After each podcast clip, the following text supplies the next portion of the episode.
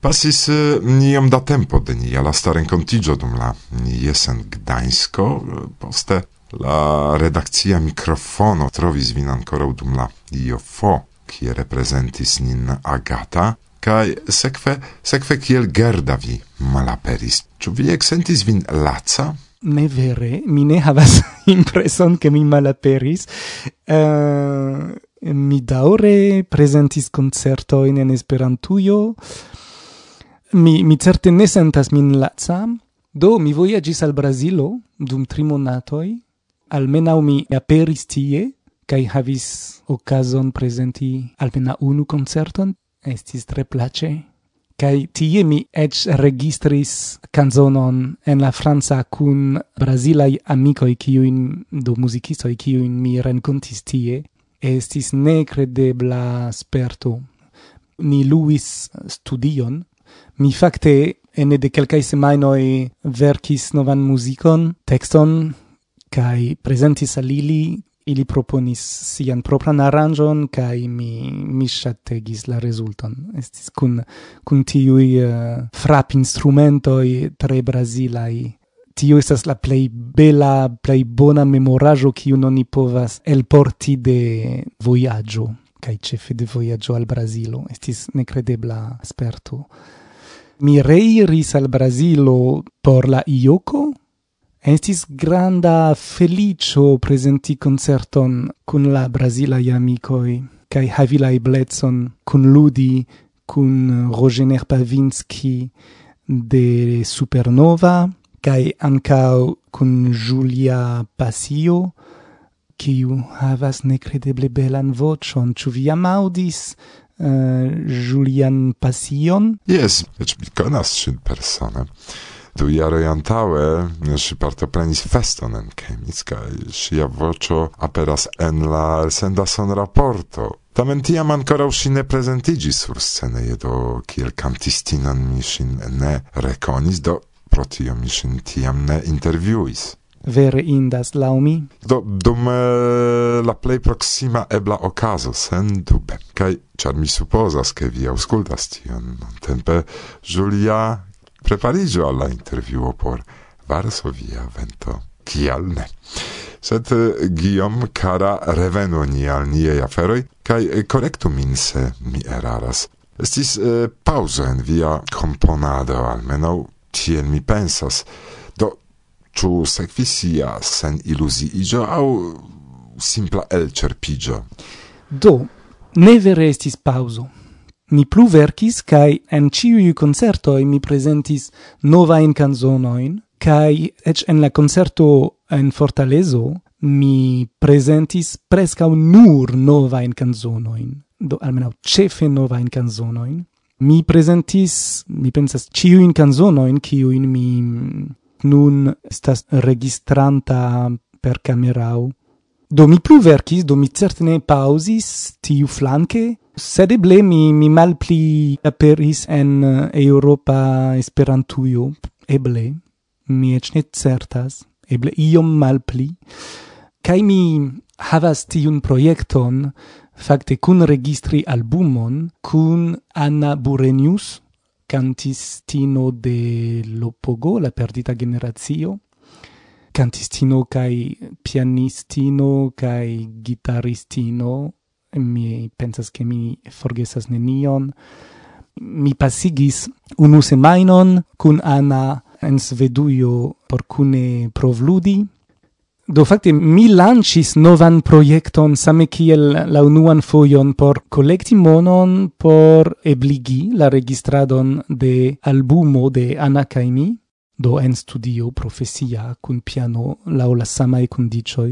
Sed mi ja estis iom elĉerpita pri tia aspekto, tia flanko de la laboro, kiam temas pri produkti sin mi electis tiun manieron respondecigi la auscultantoin per tiu mi provi proiecto porque ili mem ne nur subtenu, sed ancao contribuu, partoprenu en la proiecto mem, en la decidoi, ca en la varbado, cae ciui niveloi eble pli la artai flancoi mi kai Ana zorgas iom pli ol, ol la liuloi, sed ancau pritio ili raitas, compreneble. Homoi kiui desiras engagigi en la proiecto raitas diri, raitas esprimi sin, almenau esprimi sin, compreneble, cae ni cune, ni cune faras. Do tio estas la ideo, tio estas la celo, sed mi ancora ne suffice multe laboris por vere, kiel diri, publicigi mm, varbi. Do, mi ec rimarcis che la homoi kiui segvas min existas ehm, uh, dissend listo en kiu iu ain povas enscribigi, kai la homoi kiui enscribigis en tiu dissend listo ec nestiis che nova proiecto lancigis do ne ciui mi supposas sed almeno quelcai do vere eh, la comunicado ne bonas nun en tiu proiecto jen la kialo pro kiu mm, la aferoi ne rapide antaueniras. Do, kiel ne rigardi la laŭ mia vidpunkto. Tamen vi vecigis. Vi videblas evidente pli activa o laste. Iam vi mencis, che viei componajoi rilatas al verai situazioi, sentoi, do, ciu iu nova influo de la nuna realezza? Yes, la ciu taga realezzo in, inspiras min. Uh, ne nur la realezzo, sed ancao pli cae pli, almenau por mi novae consideroi pri la conscio. Ien, yes, pri la homa conscio mi ne trovas alian manieron diri. Sed ancau compreneble am rilatoi cae cio alia amicai rilatoi ancau, ciam. Cae de nove, de nove mi vercis canzonon cun reggio, same kiel eh, dudu, minesias ne scias kial, es minesias, ciu esas hazardo au ciu mi havas obsedon pri regioi, minesias. ne. Do, generale ili, ili ne obsedas min.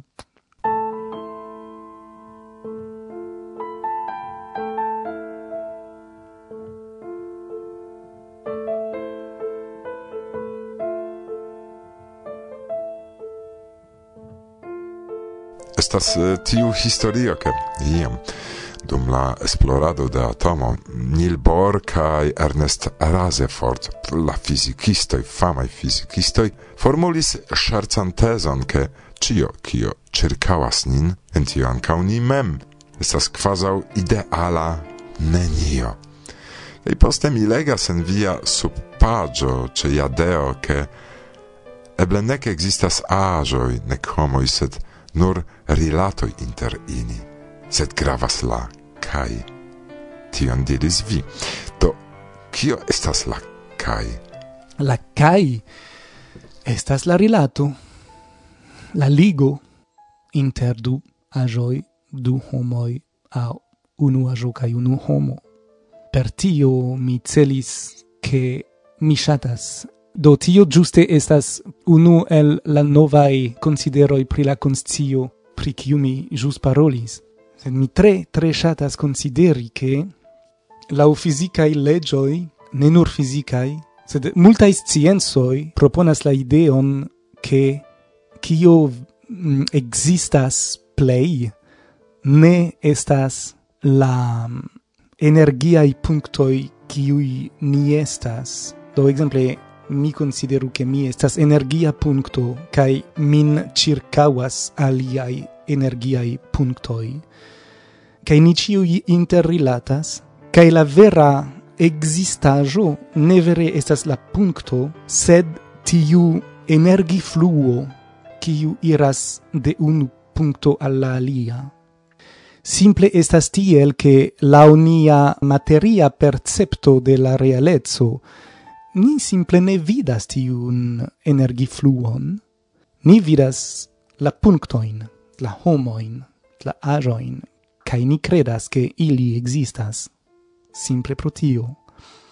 Do kial mi shatas tiun novan vid manieron, char interalie gi estas senpesiga. Por mi, estas ege senpesige pensi che mi ne gravas, jen, cae ancao la aliuloi ne gravas, cio gravas estas la rilato. Kai estas tiel ke mi sentas min pli bona, pli felicia, kun pli bona energifluo in ene de mi mem, kiam mi havas pli bonain rilatoin kun la aliuloi, kai kun la ajoi, kai kun la universo.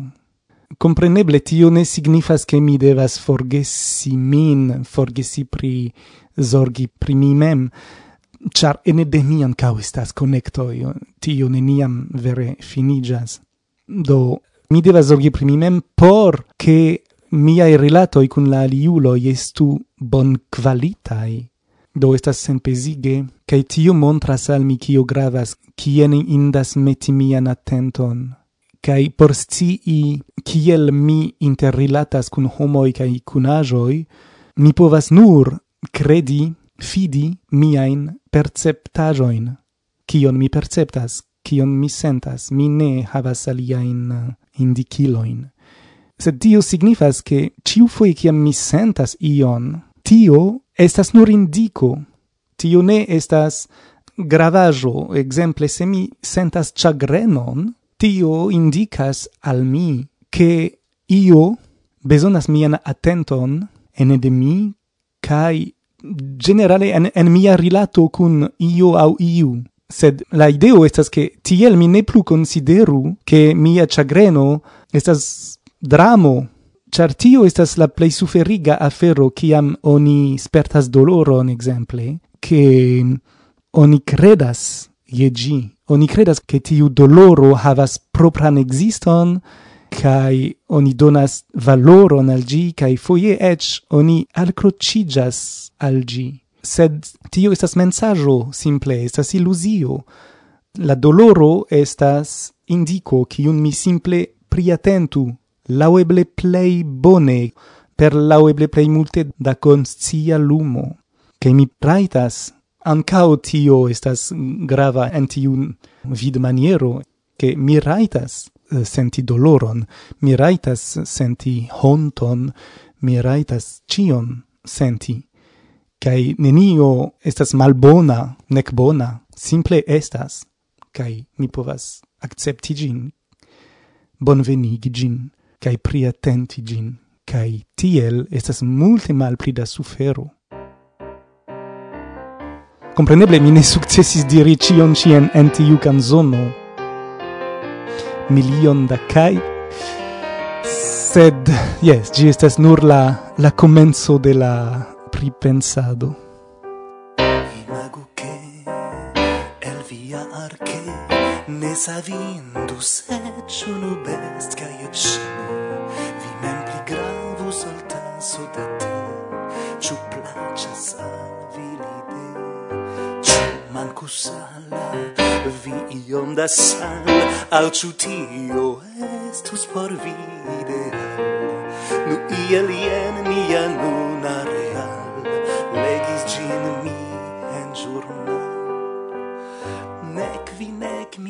kiu ajn eĉ ne Voltaire, nek Hume, nek Aĵne, kiu ajn surter havas ekziston.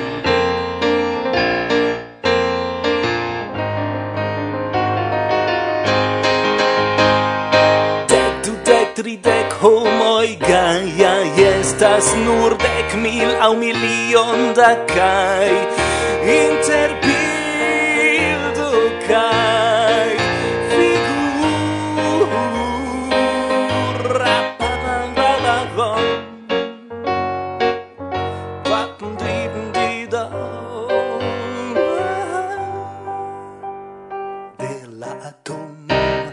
al vundebla hom gis la stelo e ci unu restas fantom. Vidu trans la muro in de via dom trans la shainetzon del nom l'interval l'inter homa val kuŝas la music la fonda mandetal la arbo iam ne plu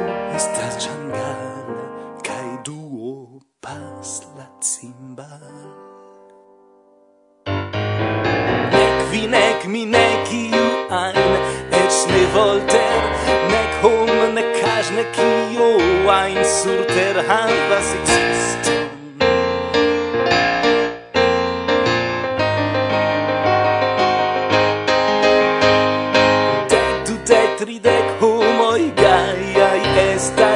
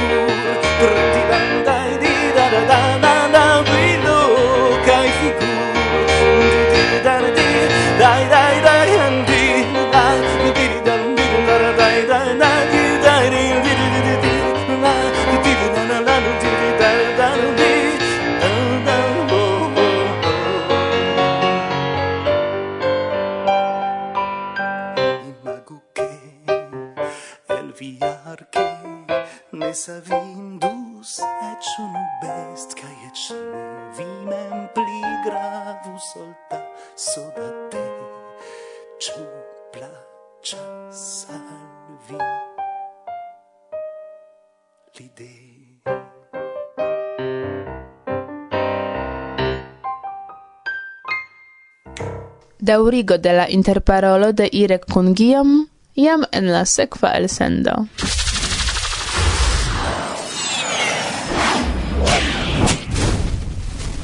Varsovia vento, bla bla bla.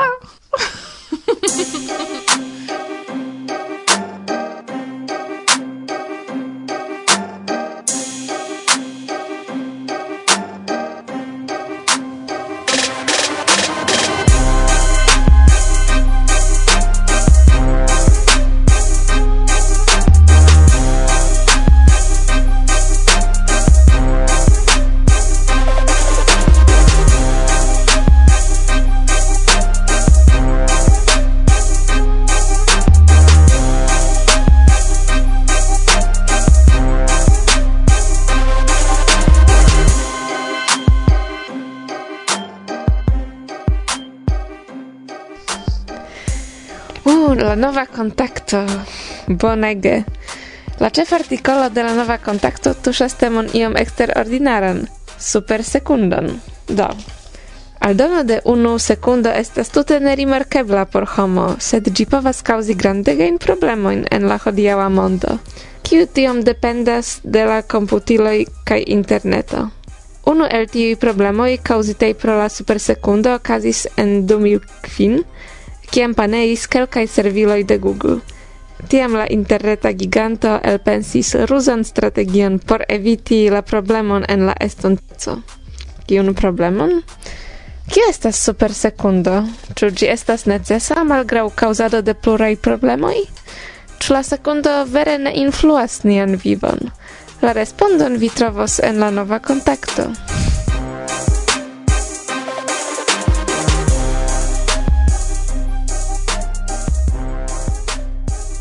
en la 265 numero de contacto, tio estas unua numero en la 2015 jaro, estas artikolo Blinduloj kaj interreto.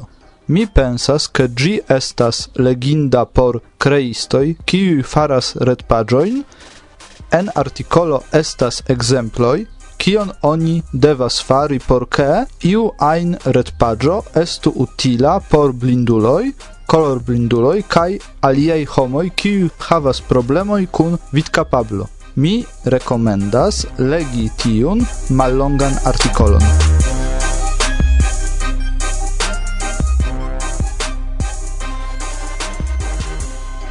Tempo ne estas la plej bona amiko de virinoj.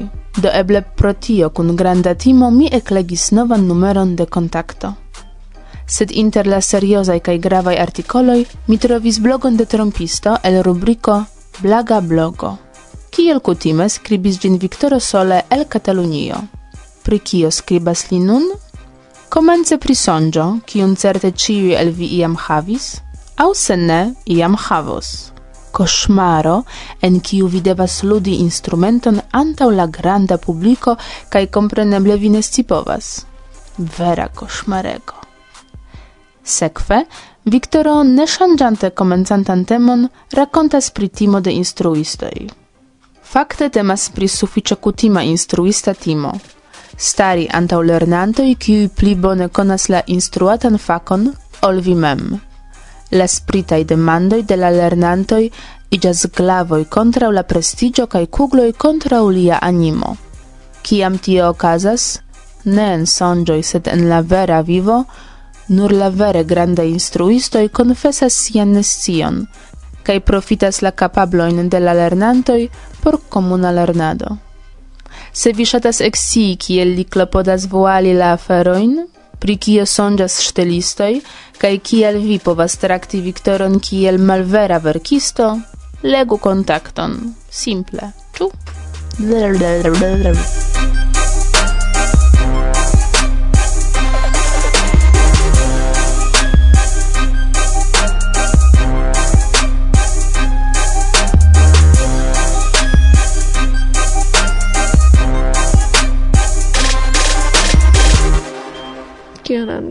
abbono contact. Bla bla bla.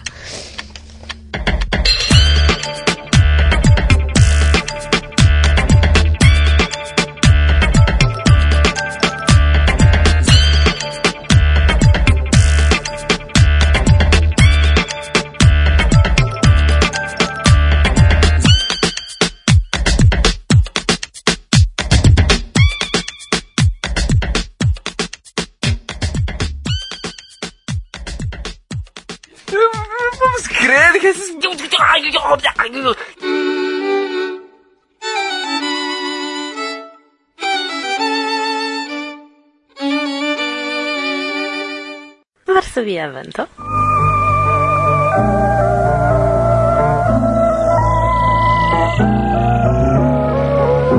Alla cosmo gioie sub mia comando venas mire foie al gondolando.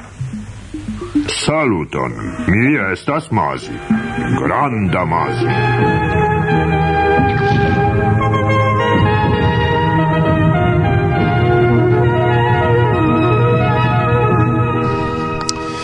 Ciam gioio eh, gastigi vin en eh, nia provisora studio de Varsovia Vento.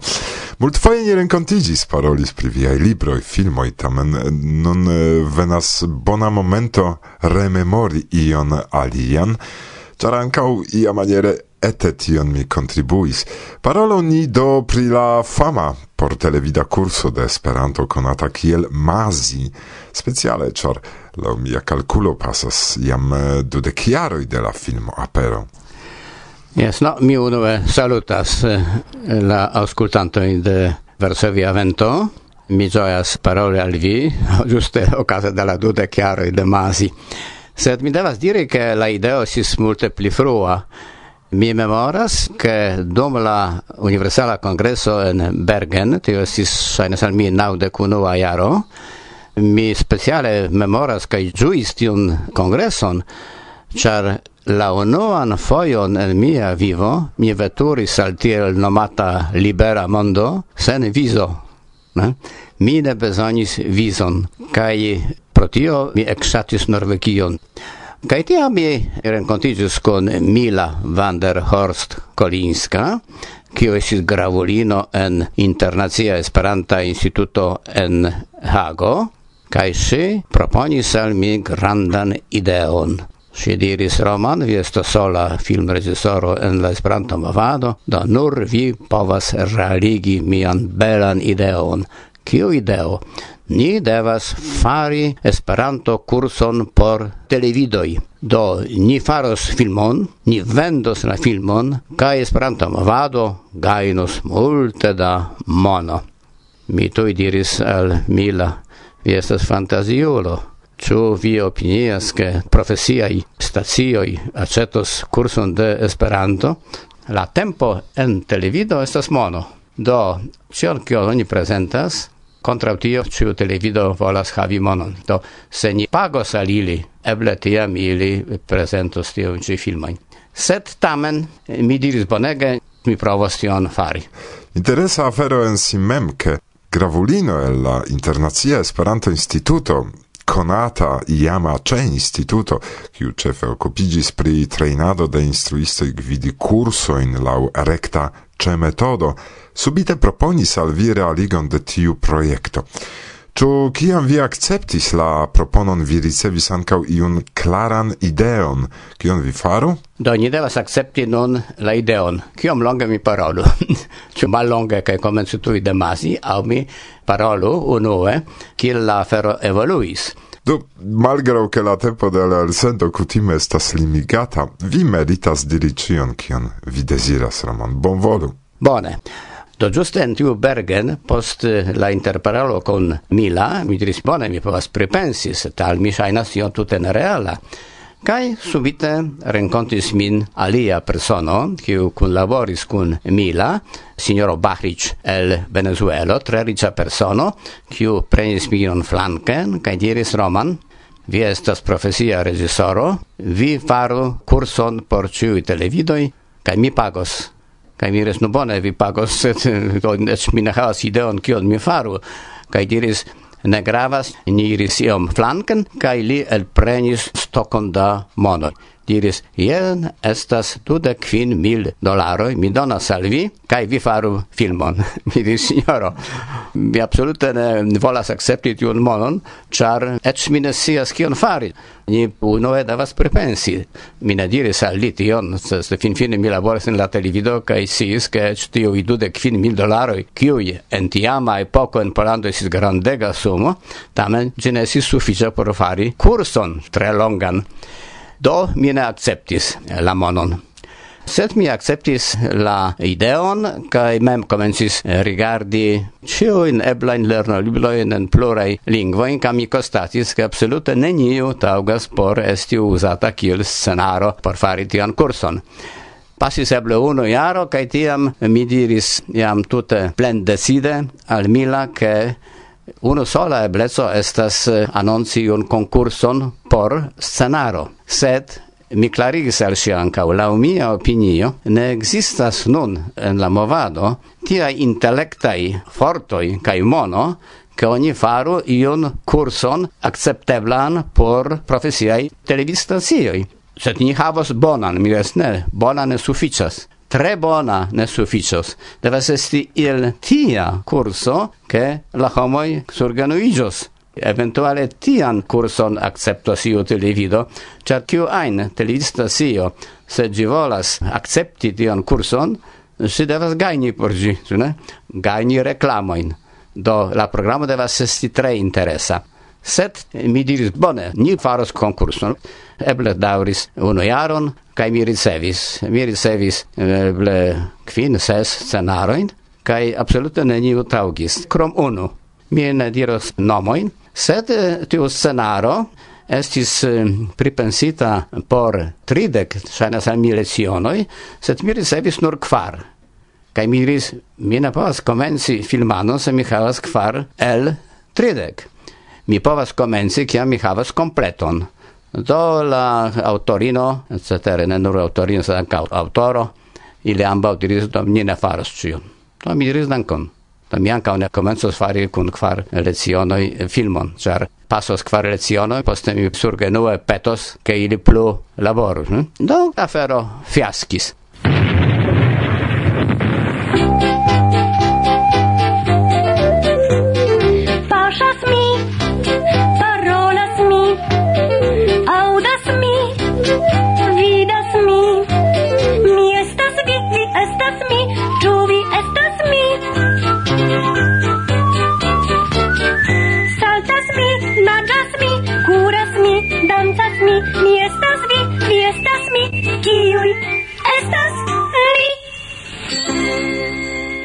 Ragazzi, vi consiglio tutti di ascoltare le emissioni di Varsovia Vento. Se non le ascoltate, peggio per voi. Ciao! Varsovia Vento. Bla bla bla bla.